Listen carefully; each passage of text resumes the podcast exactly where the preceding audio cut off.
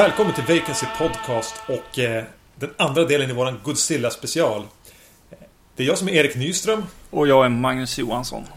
Och den här gången eh, har vi även tagit in en gäst i Anton Bjurvald. Hej Anton!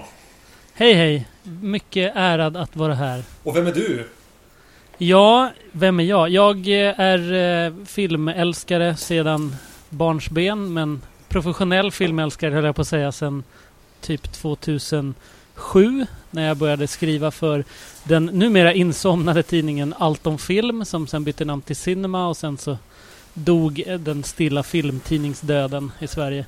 Eh, jag har även varit chefredaktör för en, en sida som heter DVD-forum eh, som blev Filmforum och som sen typ, jag vet inte, muterade ut till vad som nu är Filmfenix. Ja. Eller större delen av personalen hamnade där.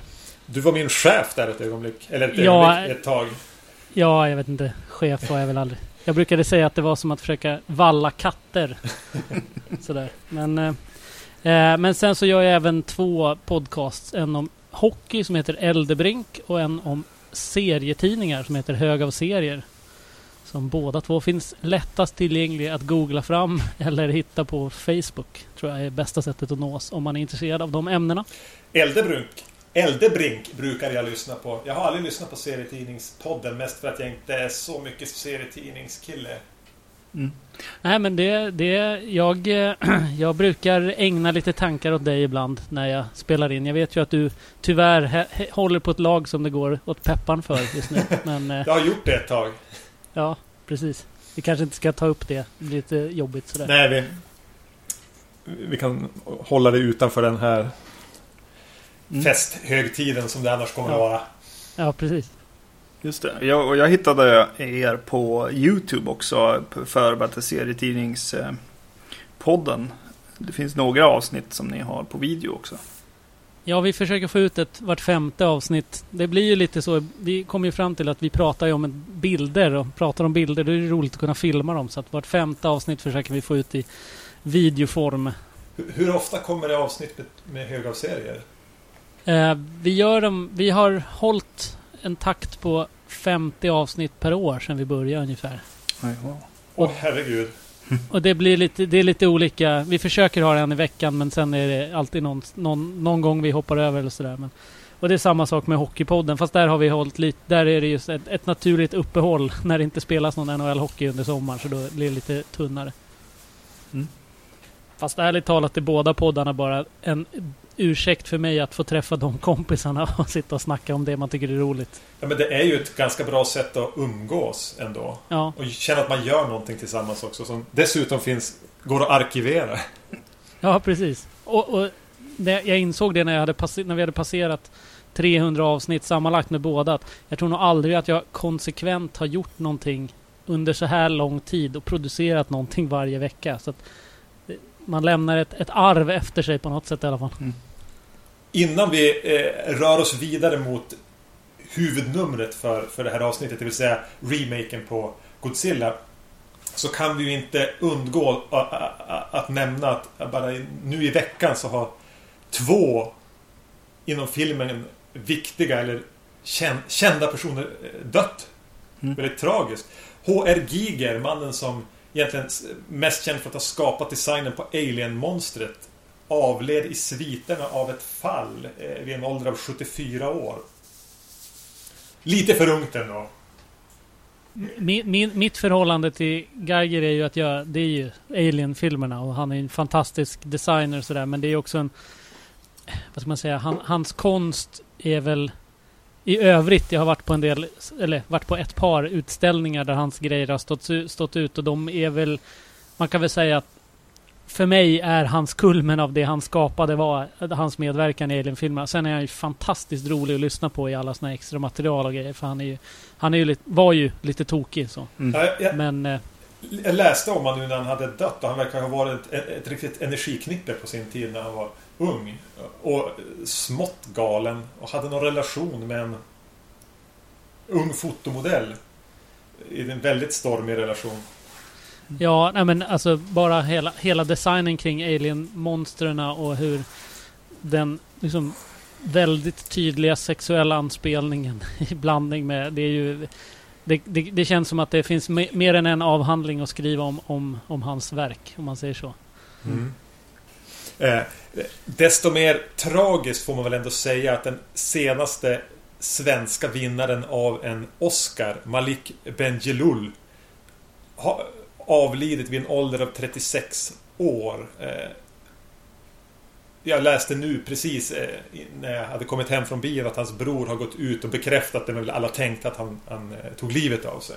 Mm. Efter en tids depression. Mm. Det är ju fruktansvärt sorgligt.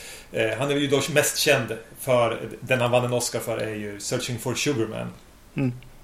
Den här, Ja, oerhört tragiskt med tanke på att han, inte bara för att han är i ens egen ålder och det är hemskt när unga människor går bort, men eh, just det här med att han, ja, tog livet av sig. Det gör ju det hela eh, på något sätt tio gånger värre. Det blir den här känslan av att det är så onödigt. Ja. Ja, Så det, eh, en liten tråkig inledning på vårt avsnitt kan jag känna. Ja. Förhoppningsvis blir det lite muntrare Anton om du får berätta eh, vad din relation är till Godzilla-filmerna. Jag och Magnus har ju ändå hunnit avhandla dem i, i det tidigare avsnittet eh, som kommer före det här där vi pratar om tre eh, äldre Godzilla-filmer. Ja, alltså jag... Först och främst en utmärkt avhandling. Jag vill rekommendera alla som inte har hört första delen att göra det. För det är en perfekt summering och det sög in mig i att vilja se Godzilla. Jag har sett den andra filmen som ni pratade om, Godzilla vs Mothra, tror jag. För jag vet att jag har sett en film där Godzilla slogs med Mothra, men det kan ju varit en äldre film i den senare serien. Versus eh, varianterna. Men jag kommer ihåg att jag såg den, tyckte att den var väldigt underlig men väldigt bra. Jag har inte sett originalet och eh, jag har faktiskt inte sett så mycket mer av Godzilla. Jag har förstås sett Roland Emmerich, Emmerich filmen från 98 eftersom att det var då jag var i min filmtittar prime. Eh, runt 18 sådär. Mm. Eh, men jag kommer ihåg att det var nog den första gången som jag på bio kände att nej, det här, är, det här går jag nog inte riktigt med på faktiskt. en av de första filmerna. Den och Armageddon var liksom sådär. Det var då jag började upptäcka att okej, allt på bio behöver inte vara bra. Godzilla, Emmerichs Godzilla hade ju den där fantastiska trailern när de var på museet eh, och står och skryter upp ett, ett, ett, ett T-Rex-skelettet på... Eh, och så kommer Godzillas fot och stampar sönder det. Det är det jag minns egentligen mest från den filmen. Det är ju aldrig med i filmen, tror jag. Men det är ju en, det är en häftig trailer. Ja. Eh, då, då var det det i alla fall. Sent 90-tal. Mm. Ja, Jag kommer mest ihåg eh, Jean Renault som jag gillade väldigt mycket just då och eh, även eh, att de hade Siskel and Ebert som borgmästare eller någon slags kopior av Siskel and Ebert-kritikerna som borgmästare i stan. Ja, väldigt det. så här, meta. Det var en av de första gångerna jag liksom fattade att man kunde hålla på så här, blinka till publik och sådana saker också. På ett liksom medvetet plan om man säger så. Mina minnen av den tror jag är bättre eh, än vad den egentligen är om jag skulle se om den. För Det jag, tror jag också. eh, jag, jag minns den som i och för sig rätt dålig, men att eh, dålig på det här underhållande sättet som, vad heter den, Batman och Robin, alltså med Arnold och Uma Thurman. Mm. Batman-filmen är, eh, ändå kan vara lite kul. Det är så jag minns Emmerichs Godzilla. Ja, jag, min, jag minns det mest som liksom eh, Alltså typ logiska luckor-grejen och att han byter storlek, eh, Godzilla, ganska friskt så här. Gömmer sig i kloaker och grejer har jag för mig att han gör. Eh, men ja, nej, jag, jag minns inte mycket av den filmen inte. Men annars när det gäller Godzilla så är det ju för mig är det ju framförallt alla influenser ut, utanför Godzilla-filmerna. Alltså som allt från eh, jag såg jättemycket anime eh, under en period och såg bland annat när Neo Genesis Evangelion där de slåss mot jättemonster Mm. med stora robotar som vi kommer till om vi ska prata Pacific Rim. Men även eh, jag kommer ihåg, jag har nog aldrig skrattat så mycket som till South Park-avsnittet med Mecha Streisand. eh, Ja. Babora. Och sådär. Så att jag menar, man har ju det där i sig. Och jag har spelat Rampage, tv-spelet, när man var Godzilla och skulle slå sönder byggnader och massvis med sådana saker. Så att eh, Godzilla har ju på något sätt alltid fun- haft, en, haft en plats i, i eh, ens medvetande. Det är lite som det här när man ser filmer. Men så, jag såg Hot Shots-filmerna först och sen såg jag filmerna de paroderade sen. Och då blir det som någon slags dubbel effekt när man väl ser originalen. Liksom. Och det är väl lite samma sak med Godzilla kan jag tänka mig om jag skulle se... Jag blev jättesugen på att se just det här originalet från 54 och, och även eh, några av de här tidiga när ni pratade om dem. Så jag ska försöka hugga tag i en av de här boxarna som har släppts. Mm. Ja, or eh, originalet måste du definitivt se. Eh, om du vill Anton skulle jag kunna skicka den här halvkackiga boxen till dig. Eh, med originalet och några av de här Heisei filmerna. För jag har, jag har en utsorteringspåse nämligen hemma. Som filmer jag inte ska ha kvar. Jag har, jag har också en sån. Vi kan väl göra ett byte Ja. av något slag. vi, vi tar det sen. Ja.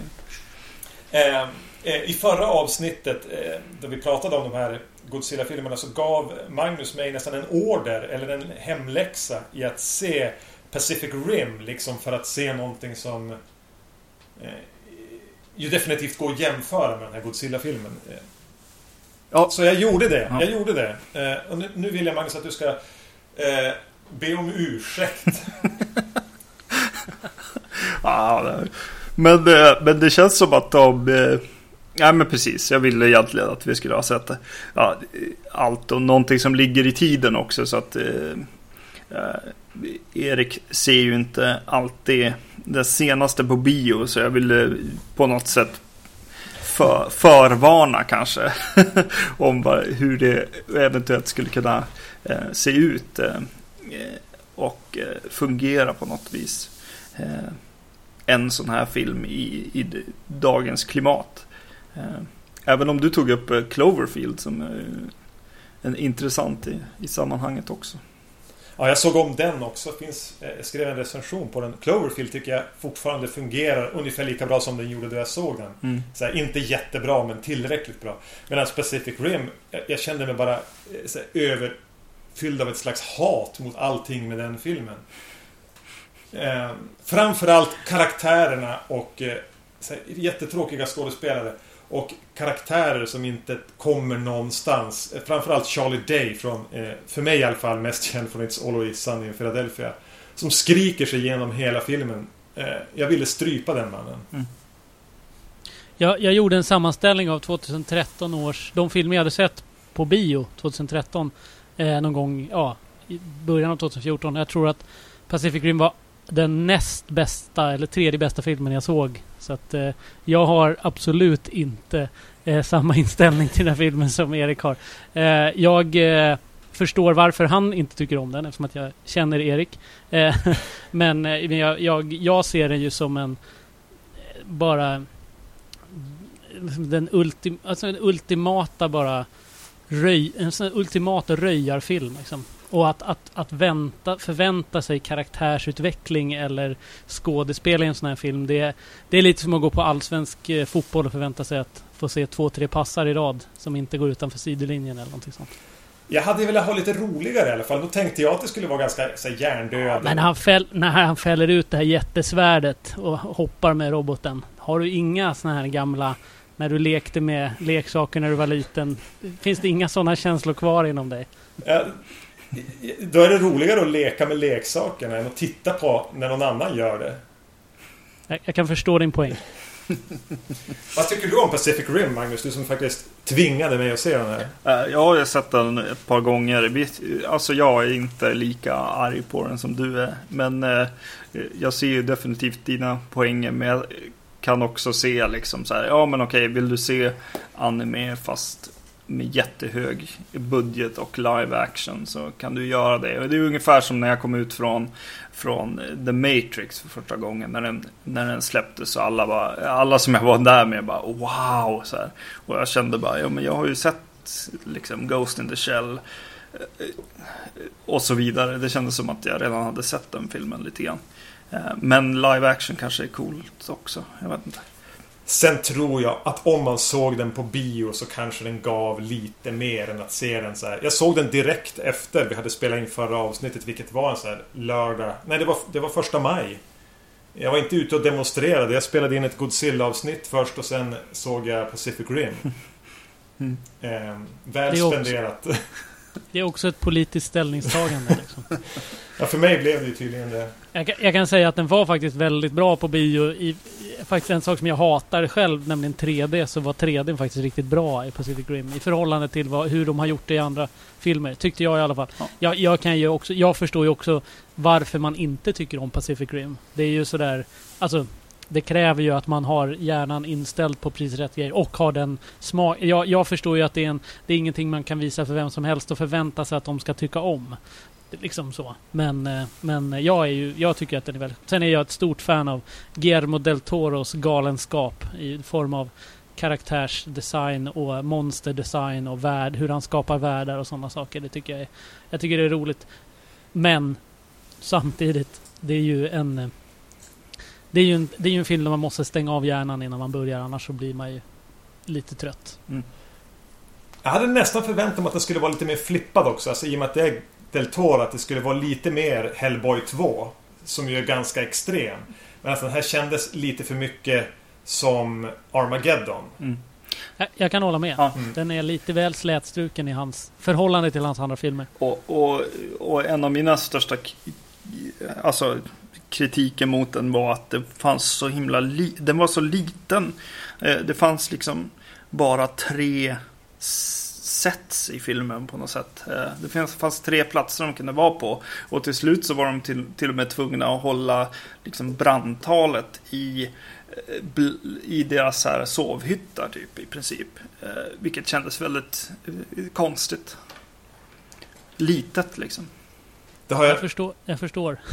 det har jag redan glömt. Eh, Och jag jobbar fortfarande aktivt på att glömma så mycket som möjligt med Pacific Rim. Så jag tycker vi släpper den nu så jag inte väcka till liv någonting. Eh, Jag har, jag har suttit och och lagt band på mig själv. Jag har mycket mer hat jag kan öppna upp här. Men jag tänker att vi behöver inte Ja. gå dit. Jag är jättenyfiken på vad du tyckte om den här filmen Erik. Jag, är, Mm. ska, jag har ingen aning om vad du kommer tycka om den här Godzilla-filmen faktiskt. Så att, eh, det ska bli jättekul. Eh, Och därför kan vi väl röra oss dit då och, och, och ta oss an hu huvud, huvudrätten för, för avsnittet. Nämligen remaken på Godzilla. Eh, I regi av Gareth Edwards som ju gjorde Monsters. Den här nästan lilla hem, he, hem, hemmafilmen Monsters som var rätt lyckad. Mm. Eh, och det vi har tänkt för att jag var lite public service är att om man inte har sett Godzilla så kommer vi att var och en att säga egentligen så här Roger Ebert tummen upp eller tummen ner. Eh, först.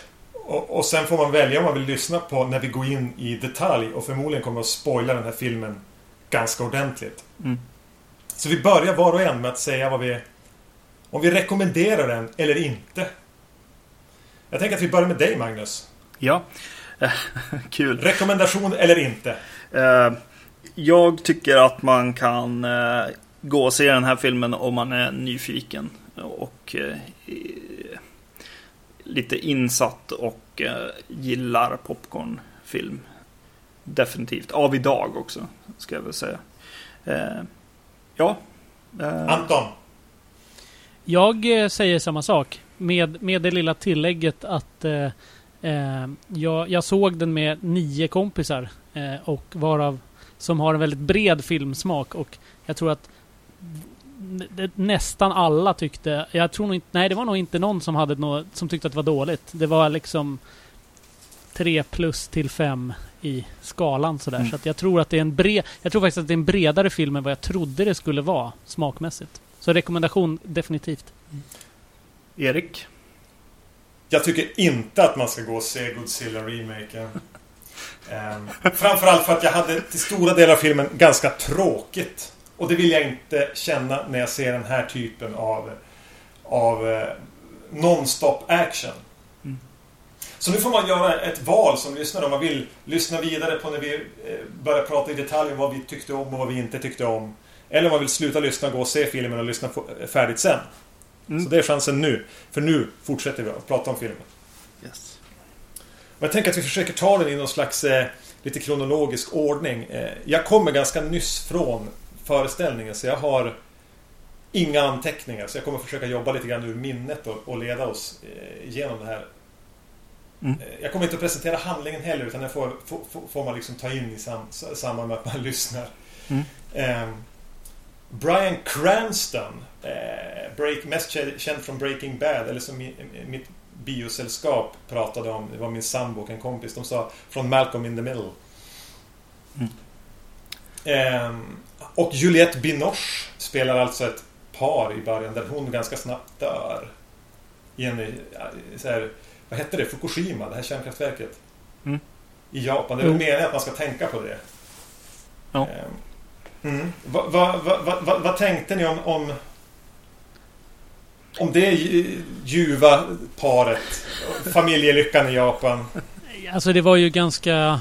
Det var väl rätt uppenbart att någon av dem skulle stryka med. Eh, och... Eh, tråkigt nog så var det Juliette Binoche. Inte så mycket för att jag vill att Brian Cranston ska stryka med utan för att det hade ju varit härligt med en bindgalen, helt eh, eh, besatt kvinnlig karaktär för en gångs skull. Mm. Eh, men annars så, jag blev lite chockad över att det kom så tidigt.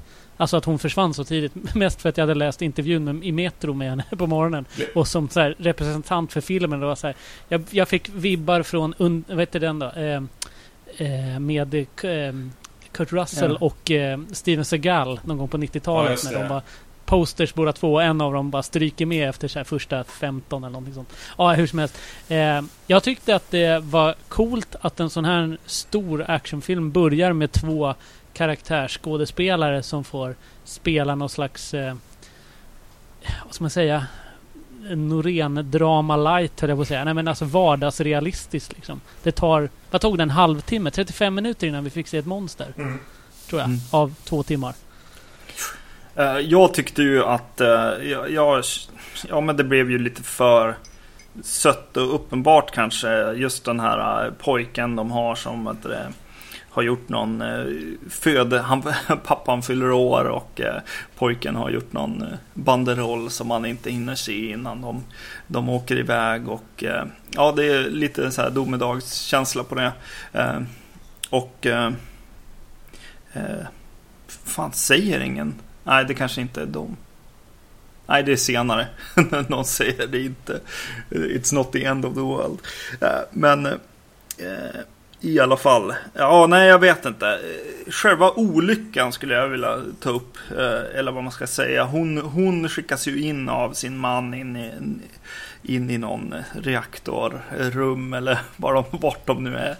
Och, eh, och eh, när det här då händer någon, någon jordbävning eller någonting skapar någon slags moln av radioaktivitet som hon försöker springa ifrån. Ehm, det var väl lite humoristiskt, eller? Skulle vi... det, det, tog lite långt. Det var lite rätt mycket springande från det där molnet tyckte jag. Förhållandevis till vad som faktiskt blev resultatet, om man säger så. Ja. ja, jag hade bara svårt att, att tro på grejen. Jag, jag, jag är ju så här lite rädd för radioaktivitet. Så att eh, jag tänker Det tror jag man ska vara. Jag tror det är en ganska klok inställning ja. till, till radioaktivitet. Att ah, man ska okay. vara, behandla det med viss respekt. Fortsätt så. Ja, precis. Eh, men jag har aldrig sett det som något slags, jag vet inte, något, något eh, man kan springa ifrån. Eh, så att jag, jag kunde ju inte köpa någon slags drama där egentligen heller. Det var ju rätt uppenbart att hon skulle stryka med. Alltså det var ju det som var, jag kände var problemet med scenen var inte huruvida kommer hon överleva eller inte. Alltså man försöker skapa en stämning när alla i salongen vet att hon kommer dö. Mm. Liksom. Mm. Och jag har ju också extremt svårt för vad som kallas, inom serietidningsvärlden kallas för kylskåpskvinnor. Det vill säga kvinnor som man tar av dagar för att männen i filmen ska ha en, en anledning att kämpa vidare. Liksom. Mm. Eh, så att, eh, jag hade tyckt att det varit fantastiskt kul att se det omvända. Även om det inte hade gjort scenen så jättemycket bättre så hade det i alla fall varit lite nytt och fräscht. Liksom. Jag gillar även hennes sista replik till Brian Cranstons karaktär. Som är Ta hand om våran son. Mm. Ungefär som ja. att han inte skulle göra det. Ja, men precis. Jaha! Ja, ja, jävla tur du sa det. Annars hade jag, jag vet inte, inte gjort det. Ja, precis. Det var nästan äh. som att de sa att, sa att så här, Ja, alltså nu tills när, papp, när mamman inte finns längre, då måste pappan liksom vara förälder också. Eh, Ja. Och jag blir... Det, det, jag tänker att vi ska... Även om det är den här typen av eh, blockbuster popcorn. Det ska inte vara så jävla avancerat och man ska egentligen känna igen nästan alla vändningar. Så tänkte jag att vi kanske har kommit lite längre än att bara spela på just de här klichéerna. Eh, lite grann som Pacific Rim gjorde. Eh, att, att man ska känna igen det. Det ska vara den här mannen som förlorar sin hustru och, och tar hand om sin son och så hoppar vi i tiden och, eh, och han är besatt och, och, och pappan är ute och krigar och kvinnan är sjuksköterska. Alltså det, den spelar så, så många välbekanta toner. Eh, vilket ju man av, eller jag, av trailers och, och, och även eh, Gareth Edwards Monsters hade fått en tanke om att den kanske skulle våga vara lite eftertänksam eller eh, ha en liten egen idé. Ja, det är ju någonting man inte behöver ta med sig liksom från 50-talet. Eh, sådär. Nej. Men jag tycker ändå att den i Alltså allt är ju relativt. Och ska man ställa den mot allting annat i samma genre, om man säger så, så är, tycker jag ändå att de gör ett försök. Men det är ju det hade kunnat gjort... Man, det, det, är tråkigt när man sitter och ser en film och själv kan tänka ut hur de hade kunnat gjort det bättre. Mm. Utan att det hade behövt påverka så jävla mycket av liksom... Alltså vissa saker kan man ju säga man kan inte göra det för det finns produktionskostnader, det är komplicerat, man kan inte filma på vissa ställen, bla bla bla. Men en så enkel sak som att till exempelvis inte låta det vara Brian Cranston som överlever det där. Utan låta det vara Juliette Binoche som blir knäpp och ska jaga efter vad, och, sanningen och sådana saker. Mm.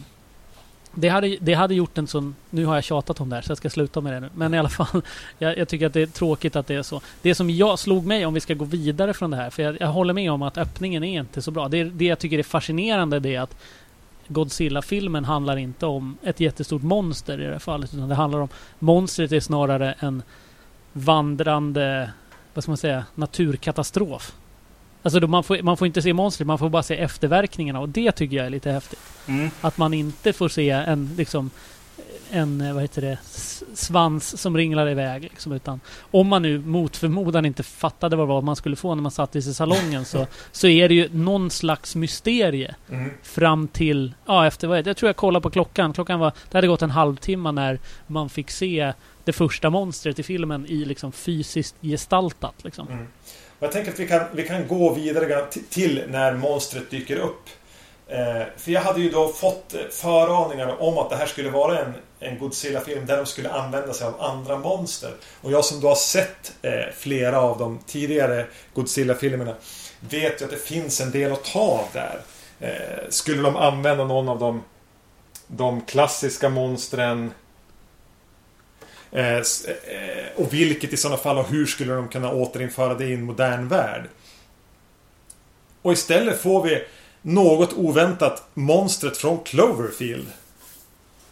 Ja, det var väl det va? ja, om inte annat förvirrande. Väldigt likt. Eh, ja. Jag har inte hunnit läsa någonting nu. Jag kom i princip direkt från, från bion. Men det var vad jag tänkte på. Det här som ser ut som att det går lite grann på armbågarna och har lite för många ben. Och... Ungefär som ja. att man skulle kunna tänka sig att om de skulle göra en remake på Cloverfield nu. Vad blir det? Sex år senare så skulle monstret se ut sådär. Jo precis, om de skulle göra en, en Cloverfield. För det är det som är fascinerande med just Cloverfield, bara kort sidutvikning, är att där får man ju nästan aldrig se monstret. Mm. Utan annat, det är bara så här, Och det gör de ju även väldigt mycket i det här. Det, monstret är ju en... Alltså, som sagt, det är ju inte förrän... Ja, okej, okay, vi kanske inte ska gå dit ännu, men jag tycker ändå att jag tycker... Jag tycker det är fascinerande. Jag tycker också det är intressant att man inte börjar med Godzilla. Utan man börjar med ett annat monster. Det tar ännu längre tid innan vi faktiskt får se en glimt av titelmonstret. Det, jag, jag får en liten känsla av att vad han försöker göra den, den här Edwards som... Jag har sett Monsters och tyckte, tyckte väldigt mycket om den filmen. Mm. Eh, och jag tycker det är kul att han, in, att han vågar fortsätta på samma spår i den här i, i många avseenden. Men det jag tycker, det som är fascinerande är att det känns som att han går efter den här gamla devisen att monstret är aldrig läskigare än i ditt eget huvud. Så därför får vi inte se det förrän det verkligen måste visas liksom. Det döljer det även väldigt mycket i rök. Att man kan få se en skymt eller man förstår ungefär hur det hänger ihop. Eller att det är ett monster och sen får det försvinna iväg igen. Eh, och, och, det blir snarare eh, någonting som människorna snabbt måste förhålla sig till snarare än att häpna över att det är ett monster. Precis, Ja, precis. precis som i Monsters, filmen, så, så är det ju mer bara ett, ett faktum, ungefär som typ en ett, ett, massivt, vad heter det, här monsunregn snarare. Ja, det, det är lite besvärligt, men, och vi försöker hantera det på något sätt. Men vi, det är inte det att åh, det är ett monster vi ska dit och slåss med, utan vi hanterar det snarare. Och det är lite den andan som finns i, i, i Godzilla-remaken. Men vad tyckte du om, om de här monstren? Vad, vad är det de kallar dem för? Det är någon förkortning. Motos? Molo? Molo på svenska tror jag, och Moto på engelska. Ja. Jag vet inte riktigt exakt vad det stod för, men det. något, något oidentifierat var det i alla fall. Mm. Jag tycker, att, jag tycker att det är fascinerande att de använder sig av monstrets... att- Och tvärtom också. Att monstret bryr sig inte så mycket om människorna. Nej, det blir ju det. Det är liksom lite mygg bara som, Ja. som stör dem lite grann. Det är ju aldrig eh, någonsin så att varken de här Modo, Moto, monsterna eller Godzilla bryr sig så speciellt mycket om mänskligheten. Vi bara råkar vara där. Mm. Det är ju lite, det blir ju känslan av en eh, ett, ett gäng, ett, två tioåringar i skogen som råkar spr springa över en myrstack liksom. Så. Och det tycker jag är lite coolt. Att de inte, för jag menar jämför man med Emmerich Godzilla så är, är ju den rätt uppenbart bara en jättestor T-Rex. Som är någon slags jagar människor och följer efter dem. Och det skiter ju Godzilla fullständigt i liksom. Och det tyckte jag var lite coolt faktiskt. Ja, precis. Det behåller de ju fint från, från originalet också. Eh, lite så.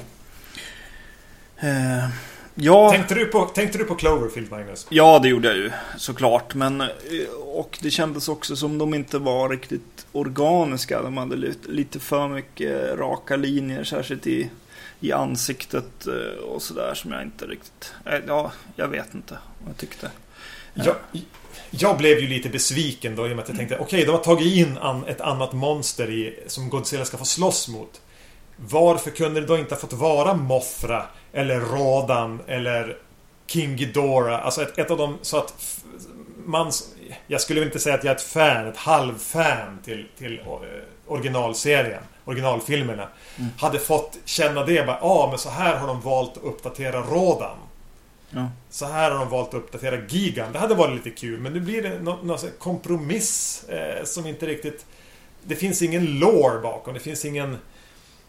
Ingen historia, utan det blir någonting nytt som jag ska köpa direkt. Och då, tänk, då, då väljer ju kanske jag även att låtsas att det, är- att det är monstret från Cloverfield. Ja. ja, men det är väl det. I princip. Eh, Det ska bli kul att läsa nu när, nu, nu när jag vill läsa om filmen, se om det finns någonting sagt om det. Om de har tänkt på det. Om det är meningen att det ska vara en liten hommage eller att de ska utspelas i samma universum. Ja. Eller har de bara tänkt så här, ja men den här killen, han gjorde ju ett coolt monster. Eh, vi anställer honom för att designa de här också. Eh, som, som de ju har i Star, i Star Trek är ju något, något rött liksom, Cloverfield monster också i någon scen där. Eh, I snön eller vart det nu är. Ungefär som om man skulle anställa Giger och de- designa en utomjording så skulle den bli väldigt lik Alien-monstret. Ja. Jo, det skulle ju inte förvåna mig om det är samma, samma person som har designat dem om inte annat. Men det här med att de inte använder sig av monster som fansen känner till sedan tidigare. Motargumentet om de hade använt det hade ju varit ja det är bara fanservice. Nu ska, nu ska man liksom hålla på och blinka till fans och nu ska, ska alla Godzilla-fans... Alltså, jag menar det är, det är ett argument man ofta hör, tycker jag i alla fall, eh, med kritik mot exempelvis serietidningsfilmer att att, man håller, att det är för mycket internt liksom och sådana Mm. saker. Så att, eh, det finns ju ett motargument. Jag kan ju tycka att i, i det här fallet, jag är, det jag gillar med den här filmen och jag förstår att man, varför man inte gillar den om man är ett stort Godzilla-fan. Det är att Godzilla är inte så... Den är, de är, den är inte så viktig, om man säger så. Förstår ni vad jag menar? Mm. Utan att det, det är ju hur, vad Godzilla och de här monstren lämnar runt omkring sig och hur människorna relaterar till den här förstörelsen. Det är ju det man har... Och det är ju där, det är därför det är kul att det är Gareth Edwards som har gjort Monsters. Som får ta honom. Jag vill bara säga en grej när vi går vidare, apropå den här pojken då som blir en väldigt storögd och tystlåten soldat. Stoisk tror jag är korrekt ord för en sån Mm. snubbe. Han är som en av alltså- statyerna på Påskön ungefär. Ja, precis. Det är ju alltså... ehm, heter han Andrew Taylor Johnson tror jag. Ja. Som spelade Kick-Ass. Mm. Ja, Och det, jag satt igenom hela filmen och bara, jag vet inte vem det här är. Jag hade typ tre kandidater i huvudet som- till skådespelare som jag visste att det var, var fel. Så när texten kom upp så var jag så här, jag fick en sån här Heureka-ögonblick i biostolen.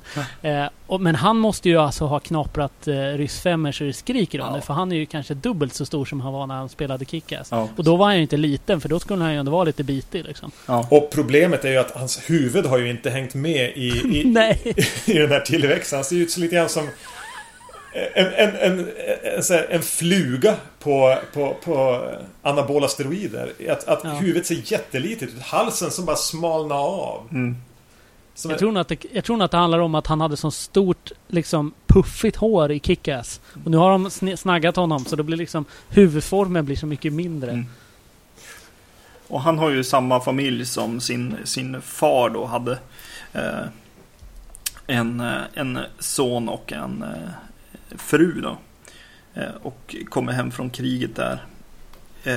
Och, eller minröjning håller han på med. han är någon slags bombexpert. Och Det kanske utspelar sig i samma universum som Hurt Locker också. mm, Mm. Ja, det dök upp någon som var väldigt lik Jeremy Renner och skrek åt honom vid ett tillfälle. Så... Ja. De har ju lite problem med kemin, de här tycker jag. Han och hans fru. Ja, precis.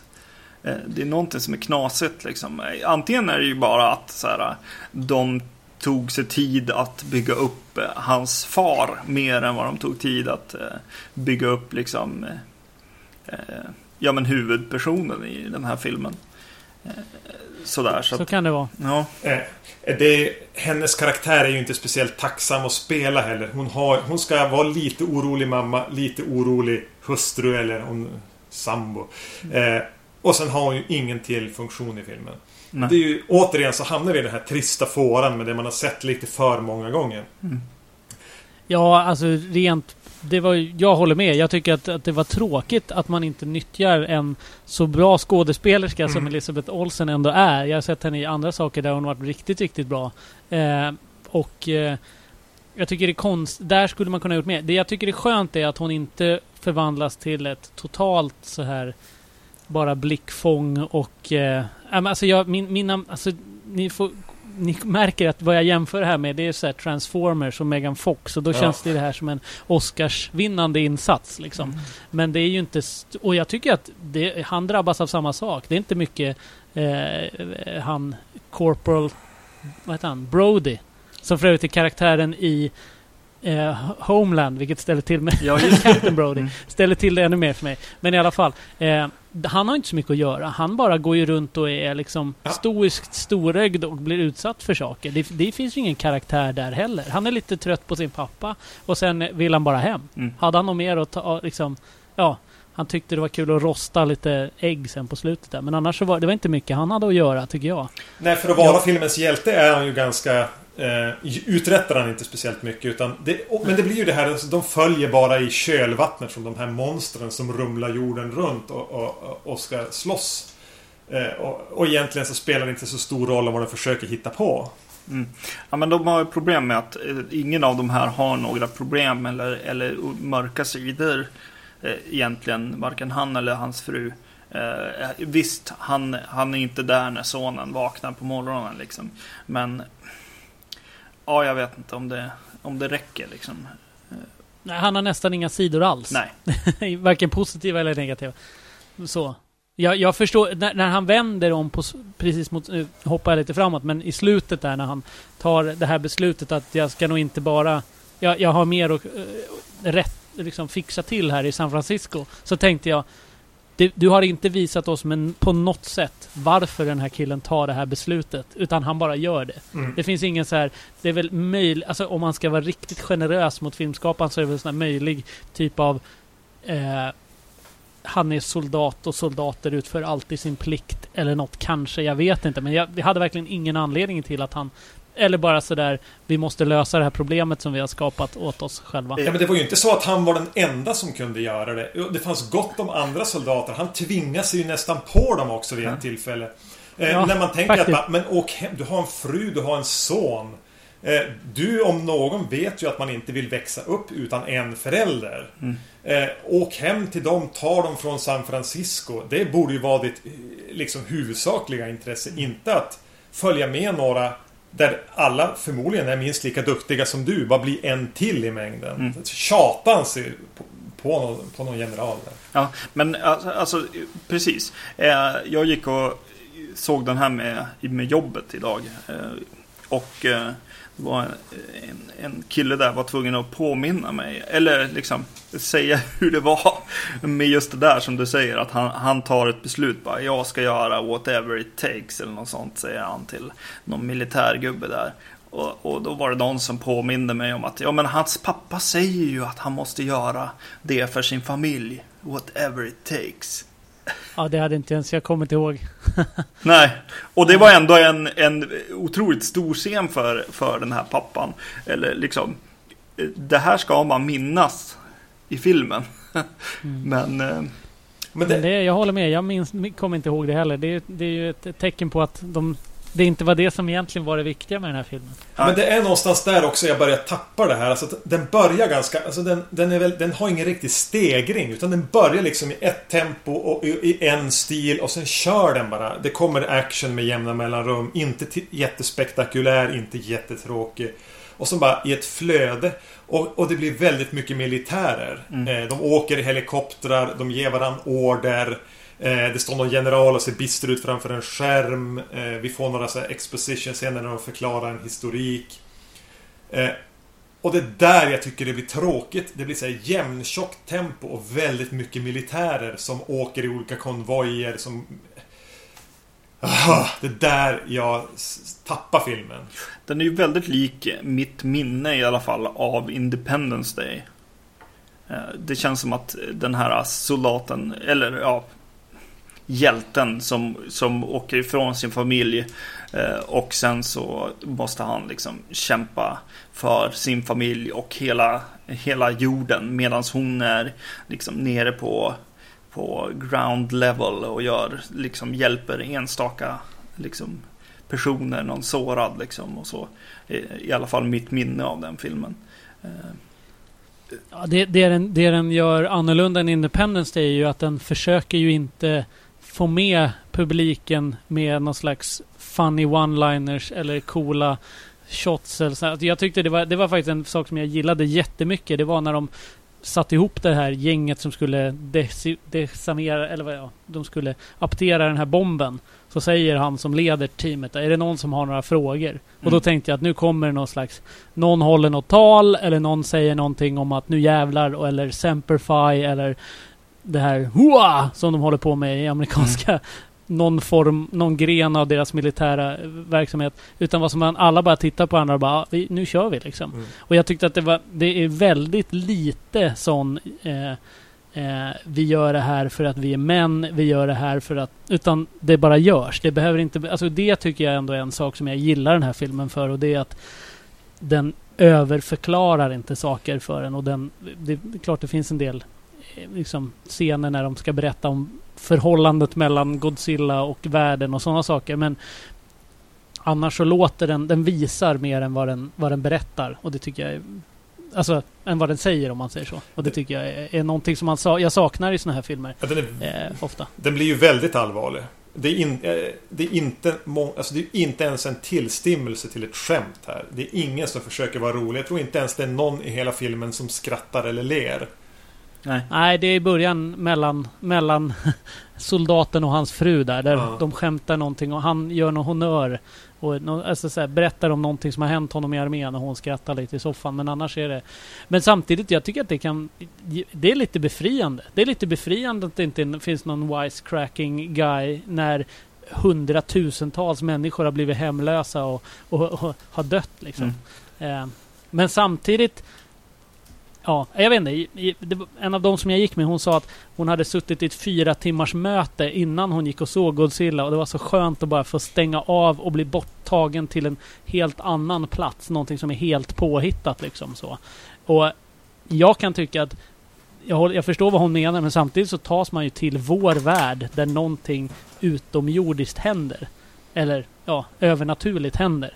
Det är ju väldigt, väldigt, väldigt tydligt att det här är... Det här ska, skulle kunna varit en dokumentär händelse liksom. Så.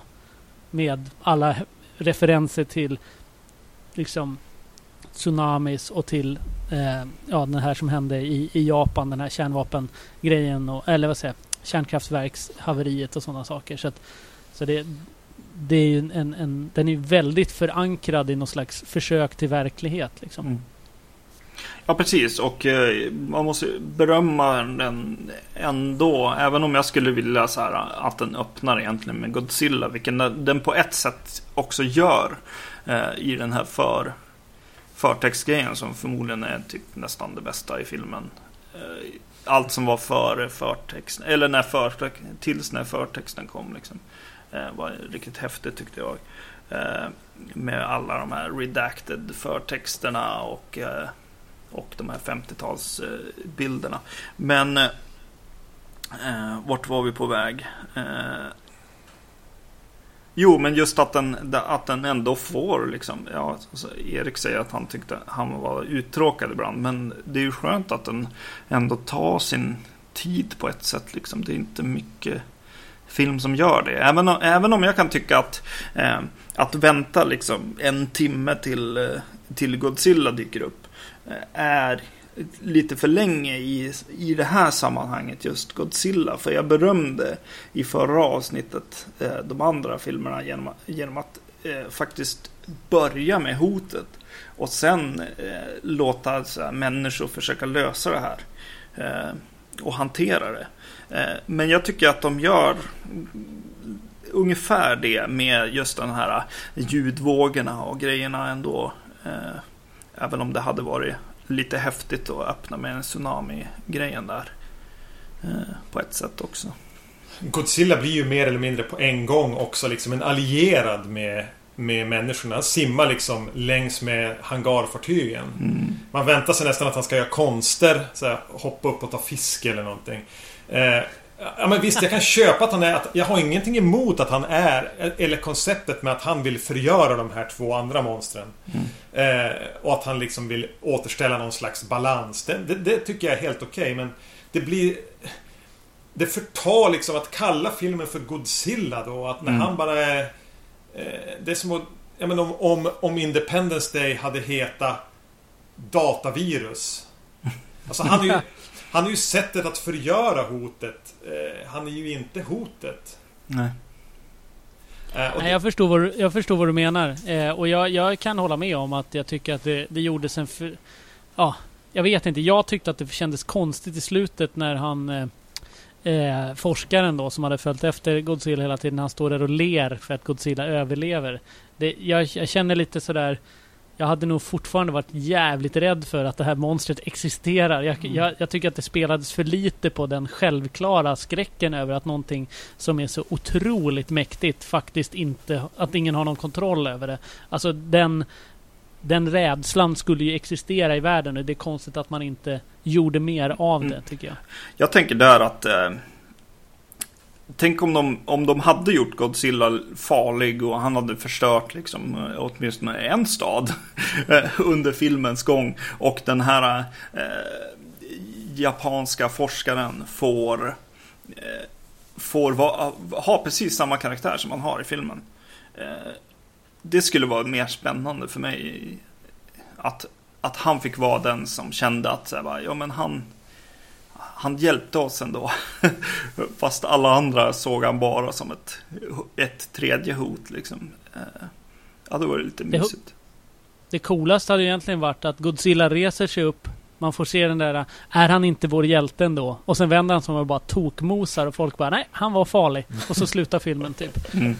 men, men jag måste säga, det, eh, det, här som Erik säger, det här med att du, du känner att den aldrig riktigt kommer igång och att den börjar på samma nivå. Jag kände snarare som att det var någon som slog an en sträng precis i början.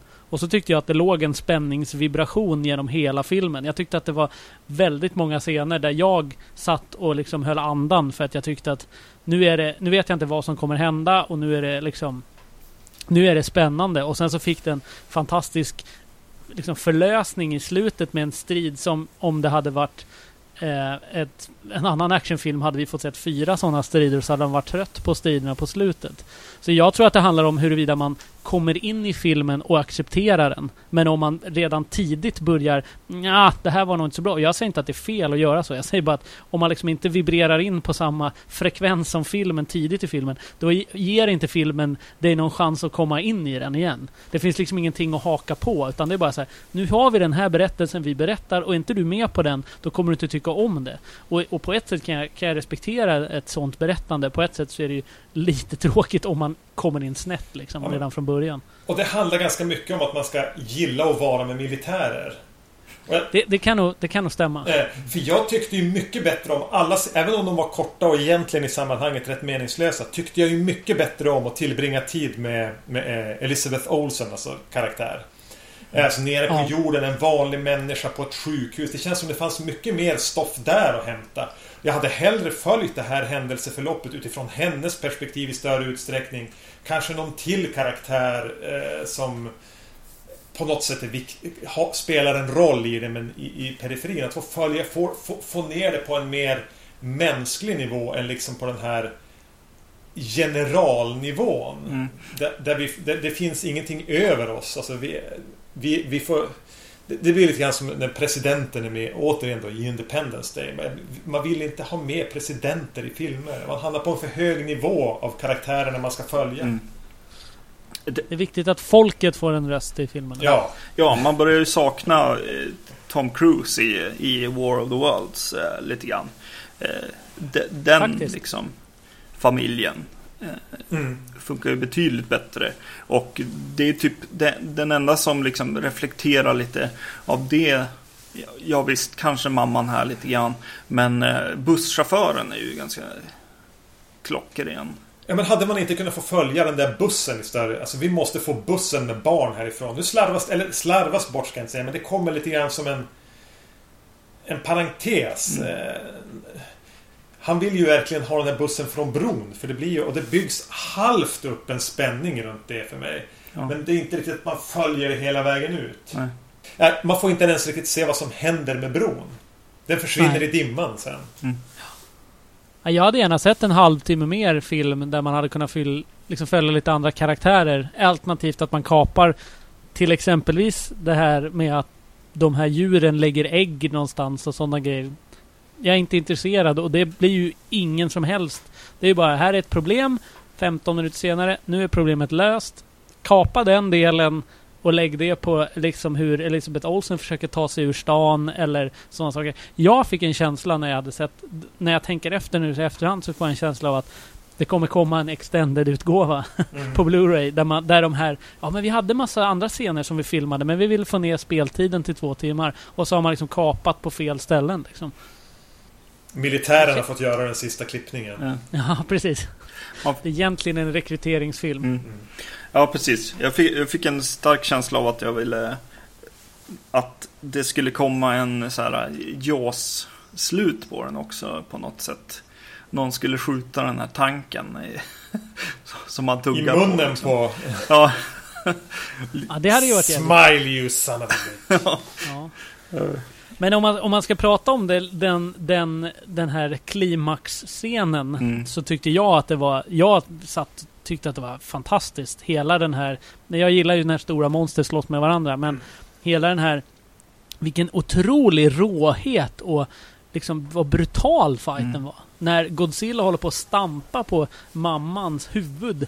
Liksom han är på väg att liksom curbstompa som i American History X, det ena monstret liksom. Alltså, jag var så här, jäklar vad de... Det, det, här är ju brutalt. Det är liksom inte någon så här snygg monsterfight, utan det är verkligen två rovdjur som ger sig på varandra liksom. Mm. Eh, och det, jag gillade det jättemycket. Jag tycker det var jättekult att man bara fick se det på så tv-skärmar och strid. Det var liksom som att vi skiter i den här... Vi kommer komma till den här fighten. Ni behöver inte se den än. Vi bara teasar lite mm. vad som kanske kommer komma. Och så fick det vara en riktigt mäktig strid på slutet. Och jag, alltså nu är jag ju...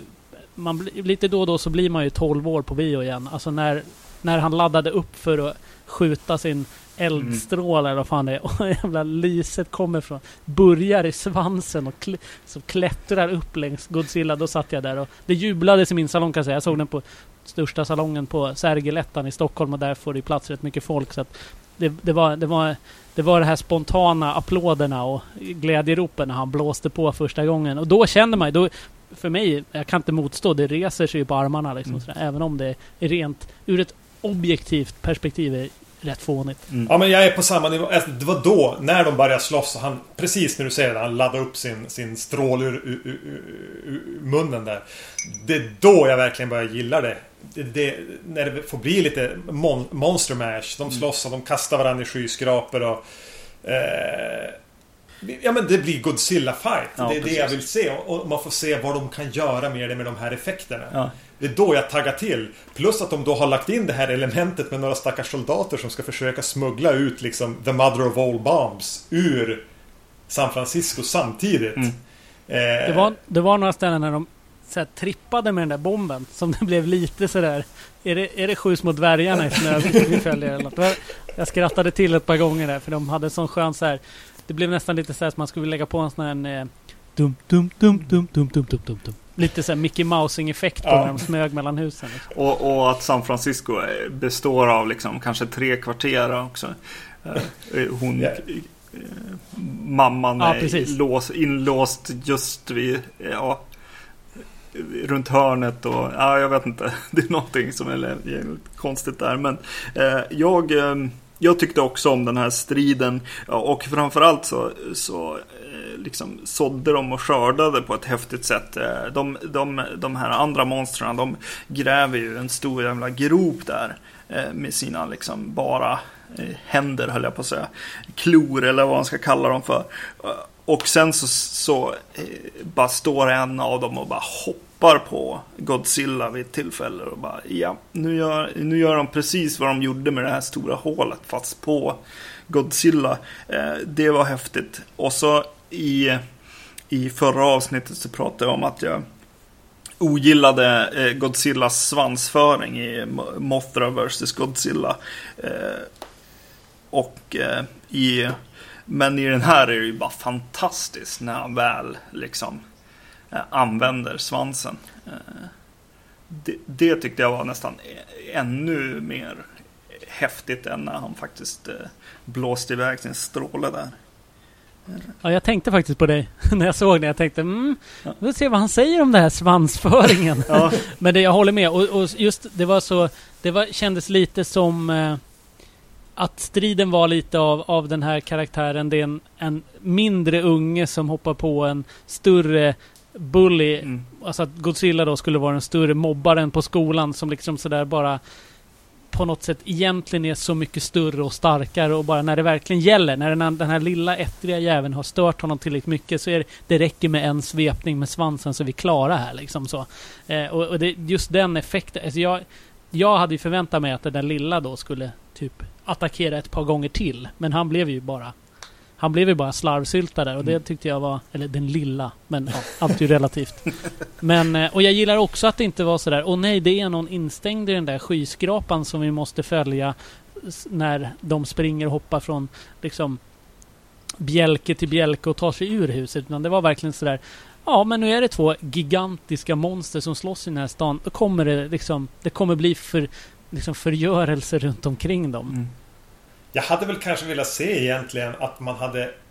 Det här blir lite, lite Man of Steel-problemet. Där det väl egentligen förstörs minst lika mycket skyskrapor. Att man får aldrig riktigt känna att någon dör. Det, det dör ju förmodligen hundratusentals människor i den här Mm. striden. Men jag hade behövt få känna det några gånger för att känna att varje gång något monster flyger in i en skyskrapa så är det... Det är ju en katastrof. Det är ju en tragedi. Mm. Eh, och i den här lite mer realistiska, allvarliga tonen så hade jag behövt bli påmind om det. Mm. Den här eh, dottern och pappan eh, som springer från tsunamin här. Eh, de borde kanske ha fått dö. Och, och framförallt den här hunden som sliter sig. Och jag tänkte Vilken bara, av och det här hundarna är menar du nu? Ja, men den som stod på stranden som slet sig. Så då, när den springer iväg och springer ikapp massa människor. Ja. Och jag tänkte bara, det här är ju Independence Day-hunden. Mm. Som kommer undan precis från... Och jag bara, hopp, kan det inte få bara vara en blinkning att den här hunden bara... Alltså jag har ingenting emot hundar, men det hade varit så, det hade varit så härligt poetiskt att nej, men i den här filmen, där dör hundarna. De klarar sig inte. Liksom, så. Men jag håller med om att det var mycket folk som sprang till ställen och sen fick man inte reda på om de klarade sig eller inte. Utan det var bara så här, nu har vi tagit oss förbi här och sen...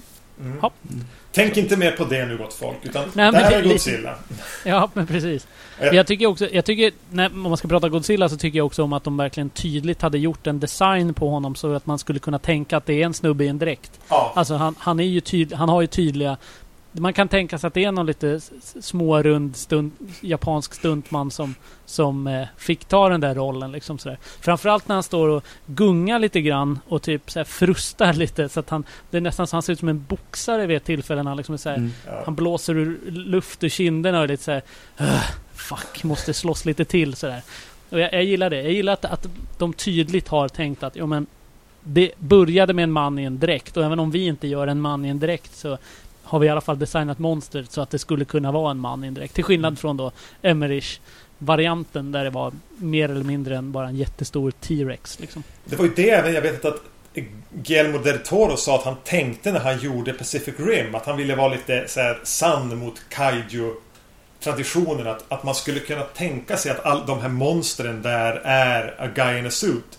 Men där, om man ska ställa dem Godzilla i, i remaken här och mot Pacific Rim så tänker jag ju aldrig någonsin att det skulle vara någon i en dräkt. Medan här, jag håller med dig Anton, det är precis det jag tänker. Alltså, Mm. de vill, de har som lagt in fysiken i animationen att det ska vara en en halvrund japansk stuntman. Det är nästan så att dräkten inte riktigt passar. Ja, Liksom så. Det är så här som att köttet på Godzilla är lite slappt på vissa ställen där det inte borde vara det. Ungefär som att ja, dräkten inte riktigt är fyllt ut. Det känns också som att det är en guy in a suit eh, filmad i slow motion ibland när han går. Eh, istället för liksom att de har lagt tyngden på rätt så här, någon slags eh, fysiskt korrekt eh, vis. Utan eh, att de verkligen vill sälja in den här guy in a suit-känslan. Och det är kanske där, jag, jag har suttit och funderat på just de här andra monstren och eh, det är nog inte att jag är ute efter eh, guy in a suit på dem också fast det är någonting med strukturen eller hur, alltså de är från en annat universum på något sätt med sina gl- glödande ögon och eh, liksom det finns inga, inga hudfreaker och alltså det finns inget kött i dem på något vis utan de är mycket, Jag håller med. De känns lite för taniga nästan. ja, Tycker jag. Alltså det känns nästan som att det är... Jag, jag är förvånad. Jag blev förvånad. Jag tänkte att det här kommer ju Godzilla bara slita i små bitar. För de här är ju uppenbarligen mycket, mycket tunnare än vad han är. ja. Men jag tycker ändå att de fick till det när de högg med sina de här köttkrokarna in i han och, och började, när de var två mot en så blev det ju rätt. Och då var det en stund där jag satt bara, åh nej, akta, akta Godzilla, ha inte ihjäl honom. Och sen så bara insåg jag, min hjärna tänkte det och sen tänkte liksom den hjärnan som registrerar vad man tänker tänkte att, hur du, vad, vad, vad håller du på med egentligen? Det är ju två monster som slåss mot varandra, det är ingen av dem som är god. Liksom sådär. ja men jag fick samma reaktion. Alltså de gånger då jag kände någonting så här, nej. Det var inte när när eh, Brian Cranston eller Juliette Binoche dör i början eller eh, när det är någon, någon annan i fara. Utan det är just någon av, någon av sekvenserna när, när de liksom de här eh, Cloverfield-monstren vänder fighten mot Godzilla och lyckas välta honom och ställer sig och hoppa på honom. Jag bara, nej men Godzilla, alltså Det är då jag får en, nästan en, den enda känslomässiga reaktionen jag har i den här Mm. filmen. Och de, de har ju ett stort problem med just den. Jag vet inte om det är regin. För att det finns ju något skrivet eh, i just det här slutet som, som händer på en båt där den här eh, militären liksom inte liksom orkar utföra sin uppgift eller någonting och, och han liksom faller ner precis som eh, God, samtidigt som Godzilla faller ner och det ska bli, bli så här någon slags eh, spegelbild av varandra och att vi är ju också monster och eh, han är ju också människa och allt det där.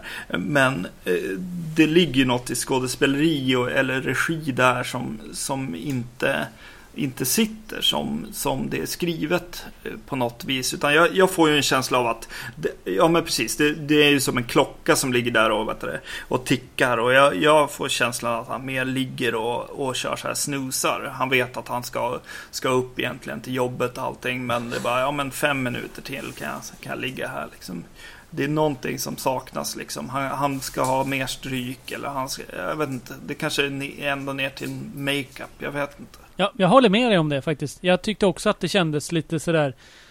Det kändes som ett kon, en konstig del i just den här filmen. Så. Mm. Eh, att han...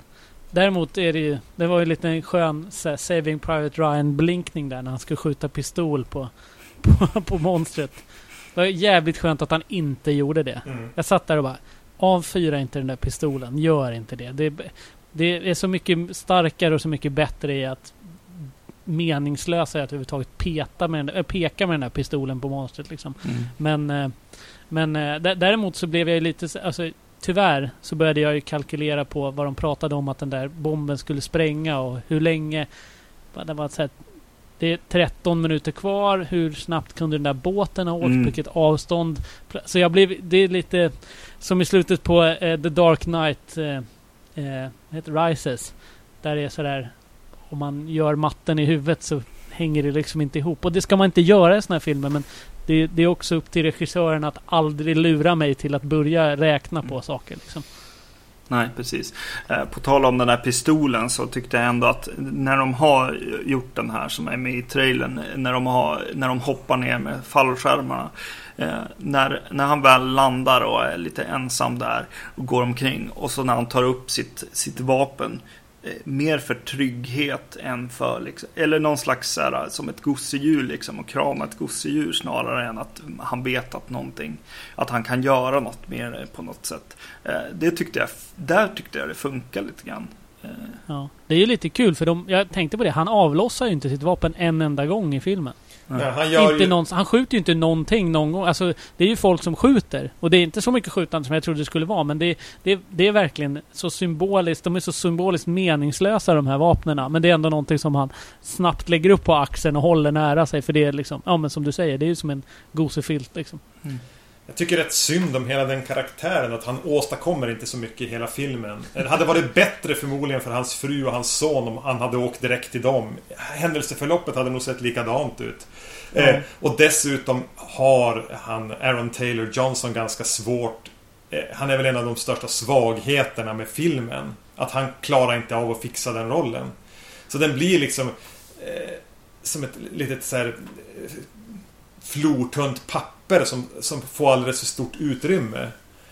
Ja, men jag tror att tanken är att han ska vara han ska skådespela lite för att vi ska kunna sympatisera med honom. Men eftersom att han aldrig gör någonting som vi kan sympatisera med.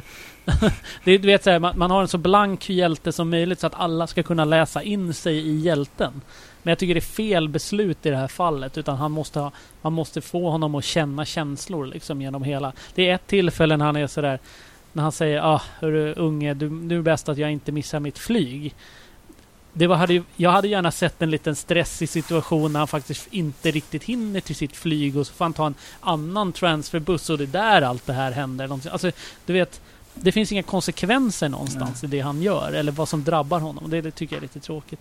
Jag vill också säga det att, att eh, jag tycker att, att eh, jag hade gärna sett honom kanske vara lite mer trött på det han gör eller entusiastisk. Mm. nu är han ju ingenting. Nu är han ju bara som ett liksom blankt papper och det är tråkigt för det är egentligen den enda relationen som, som, som eh, Magnus sa i början. Det är den enda relationen han faktiskt får utveckla. Det är gentemot sin, hans far och han dör ju rätt tidigt. Och det måste jag faktiskt också säga att jag tyckte om den dödsscenen. För att han, han bara är en person en bit bort som sprängs av eller som faller av någonting. Ja.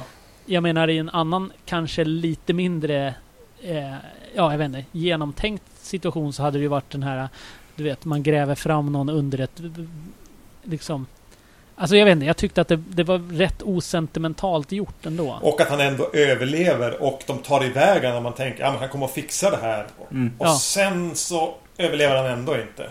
Nej. Så jag, jag håller med, det var lite... Rätt, rätt bra faktiskt. Ja. ja, och hans reaktion, eh, jag är ju så dålig på namn. Eh, på skådespelare framförallt. Men eh, den här eh, japanska... Är det Ken Watanabe? Ja, precis. Ja, det är det. Han, han reagerar ju helt korrekt där tillsammans med hans ass assistent eller kollega. När de tittar på varandra som att åh, jag skulle egentligen inte vilja vara i det här rummet just nu. Nej. Mm. Men, men jag måste säga att det, det tycker jag också. Det var en sekvens där jag tyckte att hon spelade över.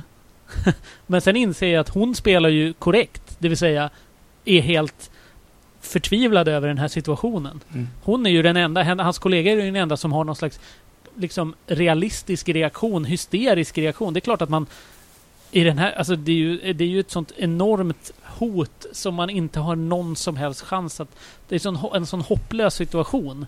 Och att hon liksom, hon försöker vara professionell, hon försöker komma med det grejen, men man hör hon darrar på rösten och hon liksom är... Man märker att hon egentligen är skit, skit rädd bland alla de här stoiska männen som bara står och tittar bort mot horisonten så kände det var en period när jag tyckte att hon spelade över men sen inser jag att hon spelar och det är det som är skillnaden mot de andra. Liksom. Jag blev, jag, jag blev så fundersam vem hon var egentligen. Alltså, skulle hon föreställa vara japanska? Nej, det tror jag inte. Jag tror att hon skulle vara någon slags brittiska assistent till den här. Eh, men eh, ja, jag hon vet hade inte något riktigt. mystiskt utseende rent etniskt. Alltså, var hon halv japan? Ja, det var... Min tanke var lite att ja, men vi kan inte ha för mycket japaner. Men vi kan ta någon som är lite lik en japan. Ja, det är nog inte helt omöjligt faktiskt. Hade det här kommit för 15 år sedan hade Keanu Reeves fått eh, huvudrollen. Mm. Det tror jag nog. Det tror jag nog faktiskt. Jag tyckte också att det var fascinerande när de var i Nevada där och letade efter var... Ja, först och främst att de inte har något register över var de har sp- sparat den här grejen. Och sen att de inte upptäcker den enorma kratern i sidan av berget utan måste hitta det där Mm. från insidan. Det kändes... Det, var, det blev lite o- o- ofrivilligt humoristiskt. Ja, min, min, min kompis som följde med och såg den här tillsammans med mig och min sambo. Hon började skratta någonstans där åt det. Och sen höll det som i sig någonstans fram till eftertexterna tror jag. Ja, ja, men då har de roligt i alla fall. Ja, ja. Mm. Jag tror... Jag måste fråga en sak som jag är jättenyfiken på. Vad tyckte ni om musiken? För ni pratade väldigt mycket om musiken i de andra filmerna ni gick igenom. Och det är ju en väldigt stor del i, i såna här, vad ska man säga, pri, primalfilmer där det bara handlar om rädsla och reaktioner liksom sådär. Vad, tycker ni, vad tyckte ni om musiken i den här filmen? För jag har ingen relation alls till Godzilla-musik. Så att jag, jag kan liksom inte säga om det här var bra Godzilla-musik eller dålig Godzilla-musik. Jag kan, ja. Så vad tyckte ni? Jag hade ju naturligtvis föredragit om man hade fått höra eh, originalmusiken inom citationstecken eh, liksom uppfläskat i någon slags Hollywoodversion. Eh, nu hade de väl lånat lite eh, känslan och takten från den i viss mån. Eh, mm. Eh, ja, men ibland kunde jag tycka att det här Att det hade någon... Eh, det var väl okej. Det var inte lika dåligt som i Emmerichs Godzilla där de helt har, har misslyckats med att få till någon, något form av soundtrack. Ja, precis. Nu säger du någonting eh, positivt men med en negativ ton eh, tycker jag nog eh, Erik. Eh, jag tyckte musiken var en av, av grejerna som, som höll i den här filmen absolut. Det tyckte jag nog. Jag är ganska dålig på, på att uppskatta musik första gången jag hör det också. Skulle jag, jag vet inte, se den här filmen väldigt tre gånger till. Eller lyssna på musiken. Är det mycket möjligt att jag skulle uppskatta den mer. Jag har ganska svårt att här, bara vid en sittning av en film ens minnas musiken. Ja. Nu gjorde jag ett medvetet försök att tänka på det just eftersom jag visste att vi skulle komma till den punkten i och med att vi hyllade musiken i originalfilmerna så pass mycket. Mm. Eh, En fråga jag har till, till Erik som ändå är eh, den som har sett mest Godzilla-film här. Hur, hur liksom mycket sämre är den här än liksom eh, andra Godzilla-filmer? Jag tycker inte riktigt, de, riktigt att de arbetar i samma genre, så det är svårt att jämföra. Jag tycker att den här eh, hamnar sämre i och med att den saknar den här charmen som, som jag... Som är en stor del av det som tilltalar mig med den här... Att det blir en serie med så här... Eh, ja, men veckans äventyr, veckans Godzilla-stampning och, och de här dräkterna och, och lite den... Eh, det är lite mer japanskt galna i det. Mm. Utan att för den skulle bli som Final War som vi såg. Ja. Så håller jag ju den här på en lite så här slätstruken nivå. Och det är ju sällan ett bra betyg. Mm. Att den blir lite för platt. Ja. Jag, ty jag tycker ju att den är intressant för, för att den eh, Även om den är väldigt så här Hollywood och, och vi pratar om Independence Day till och med väldigt ofta här. Eh, så tycker jag ändå att den har mot för annan film som kommer just nu och de, alla de här superhjältefilmerna och allting. Eh, det finns ju någonting som, som gör att han tar liksom tar sig lite tid för, för eh, jag vet inte, efter, eftertanke eller bara liksom lite pacing eh, i den här filmen som, som, eh, som jag tycker om ändå. Och det är, det, det är lite kul att det liksom är så många ställen de är på. Och eh, ja, nej men eh, det finns eh, roliga grejer här och jag, jag, kan inte se att den här är liksom Ja men i förra avsnittet, ja men det är väl Final Wars då. Den är ju betydligt bättre än den eh, skulle jag säga. Och, eh, och den är sämre än Mothra-filmen. Men, men jag kan inte se att, att Godzilla tog sig någon, någonstans som, som som liksom inte inte finns under den här. Liksom.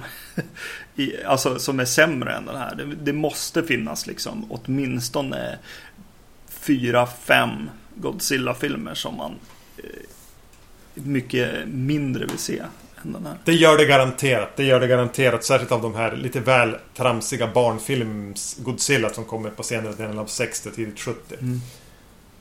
Ja men det är skönt. Men jag tycker att, jag hoppas ju att det här blir en jättesuccé. Så att Gareth Edwards får fortsätta att göra den här typen av filmer och kanske få lite mer spelrum. Om man kollar på en annan eh Eh, person som nu är snart aktuell igen med en stor film, eh, Brian Singer, som gjorde en, en han fick jätteliten, förhållandevis liten budget för första X-Men och den har både sina fel och brister. Eh, men det finns en charm tycker jag. Och sen så fick han ett förtroende och gjorde en mycket, mycket, mycket bättre uppföljare. I min, tycker jag i alla fall. Alltså han fick lite samma sak med Nolan med första Batman-filmen till andra Batman-filmen. Jag gillar Batman Begins jättemycket men det är ju ett stort steg till The Dark Knight. Förstår ni om det här blir en supersuccé och man verkligen får, ger honom mer lösa tyglar Gareth Edwards till en uppföljare, då kanske vi får se en gigantisk fjäril som kommer och hjälper Godzilla. Eller en trehövdad mekanisk Godzilla som man möter. Eller någonting sånt. Så, att, så jag menar, eller kanske en Mecha Streisand. Man vet ju aldrig. Eh, men eh, men liksom, jag, jag kan känna att det här är som ett första avstamp till att jag ser hellre en till Godzilla än en till Transformers till exempelvis. Om, du, Om efter att ha sett den här då. Ser du hellre en till Godzilla eller eh, den här Superman vs Batman-filmen? Ja, det, du, du trampar på... Du petar i mina ömma delar. eh, ja... Ja, det säger jag nog faktiskt. Jag skulle nog säga att jag, jag ser hellre... Jag skulle... Jag är nog det skulle vara jättekul att se om det är Gareth Edwards som fortsätter. Så att man inte bara lämnar över det till Brett Ratner eller någonting sånt. För, för då, då kommer det inte bli bra liksom. Men, men någon, någon annan, eller någon annan med en intressant vision. En Guillermo del Toro eller en Matthew Vaughn eller någon av de här som liksom har gjort någonting liknande men inte exakt samma sak och få se vad de vill göra med det och sådana saker. Jag skulle ju kanske framförallt vore ju väldigt roligt att se någon av de mer eh, de japanska regissörer som gör lite eh, knasigheter, eller koreanska regissörer som gör lite knasigheter, låta dem gå lös på en Hollywood-budget och en Hollywood-produktionsnivå och se vad de skulle göra med en sån här film. Liksom, eh, han som gjorde, vad heter han, Byung Jun Ho som gjorde The Host till exempelvis. Ja. Som är en av mina favoritfilmer bara för att den är på så många ställen är så jävla knasig liksom. Eh, få, ge honom resurserna att, det var ju typ tio år sedan han gjorde The Host. Ge honom resurserna att göra en uppföljare till Godzilla med amerikanska skådespelare vad, vad det nu krävs för att det här ska kunna gå att finansiera. Vore jätteintressant. Jag hade, eh. jag hade gärna sett att Godzilla här hade fått den här extremt långa utdragna gråtscenen. När de typ kastar sig ner på golvet och sörjer som i The Host. Ja, just Helt det. Precis. Underbar. Men Jag måste bara fråga, vad tyckte ni om de här vrålscenerna han hade? Ja, just Nej, det var en scen när han ställer sig och vrålar när jag var så här, okej nu är vrålet slut och så fortsätter det i nästan Mm. dubbelt så lång tid. Jag tänkte herregud! Va, va, va, det var nästan så att det var så här, någon slags symbolisk orgasm på scenen. Han fick stå där och bara tokbröla liksom. Ja, det, Som fa- ett- det fanns ju två, två grejer i den här filmen som det fanns lite, några för många liksom, av. Och det är ju vad det, vrå, vrålen och eh, hundar. Eh, tyckte jag nog. Ja, men det här andra vrålet känns som det här gitarrsolot. När gitarrsolot fortsätter lite till, när man säger. Alltså, Ja, vi, har, vi har hört ett gitarrsolo redan. Du behöver inte fortsätta nu. Vi var som klara här. men jag tyckte också att det var lite coolt att de lyckades höja nivån på när Godzilla slåss genom att introducera den här eldstrålen. Liksom. Mm. För det var väl ungefär som att okej, let's kick it up another. Liksom en, en nivå till. Vi har en nivå till. Liksom. Nästa steg är ju att han fäller ut vingarna. Liksom, om man säger så. Mm. Alltså ur en ren så här, stegringsperspektiv. Eller att det växer ut ett horn ur pannan på honom. Eller att han fäller ut Wolverine-klor eller någonting sånt. Sådär. Men, men det är lite coolt att man lyckas på något sätt i en rätt mäktig strid ändå bara, ja men vi har, vi kan vrida, vi kan vrida reglaget till 11 och vi tänker göra det. Liksom. Det är ju roligt också att man får Det första man får, får se av han är så här lite konstiga ben och vad heter det, de här lite kortare armarna och eh, Jag vet inte, det är en häftig presentation på ett sätt av, av honom också. Eh, där han får vara lite klump, klump i dunsen liksom. Jag vet inte.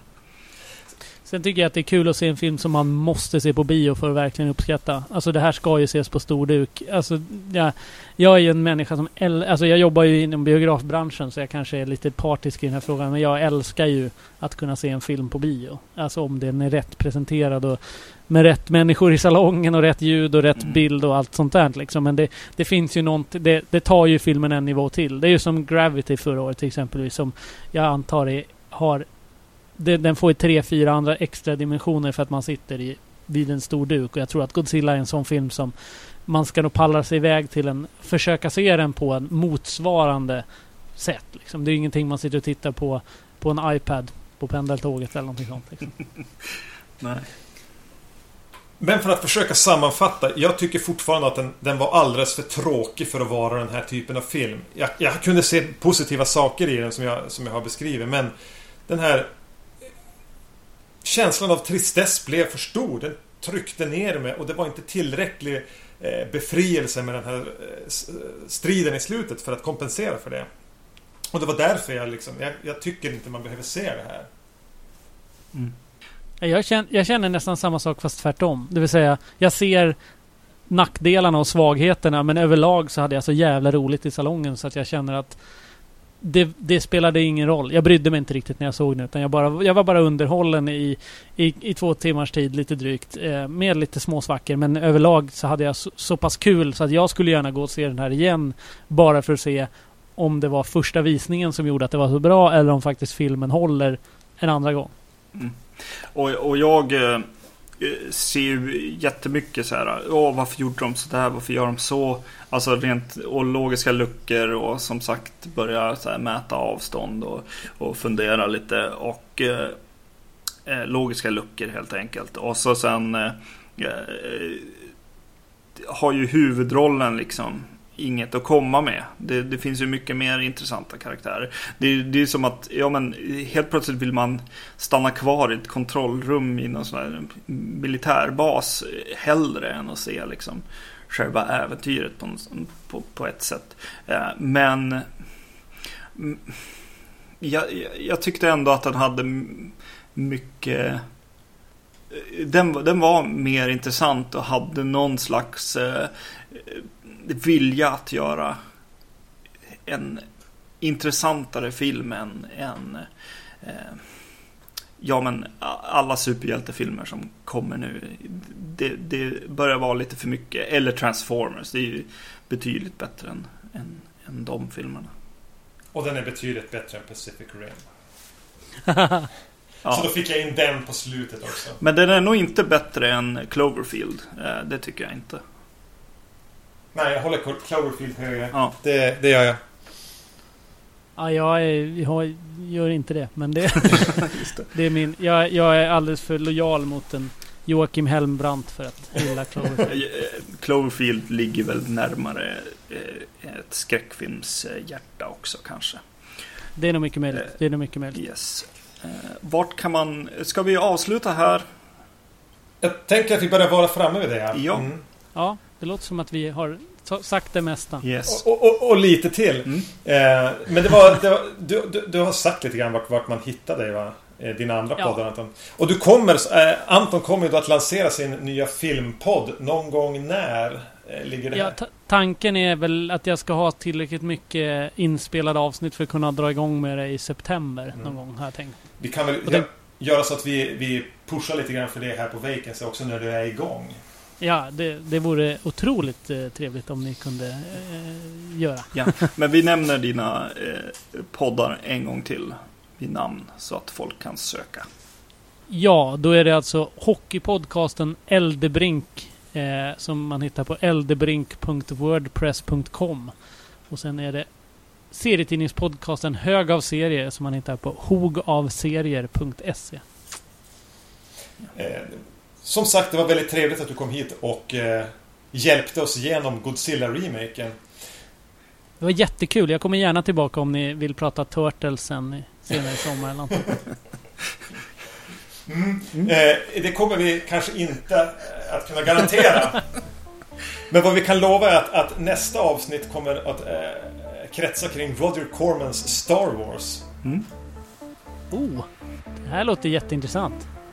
Så tills dess eh, så hörs vi. Ja. Tack och hej. Det gör vi. Hej. Hej då.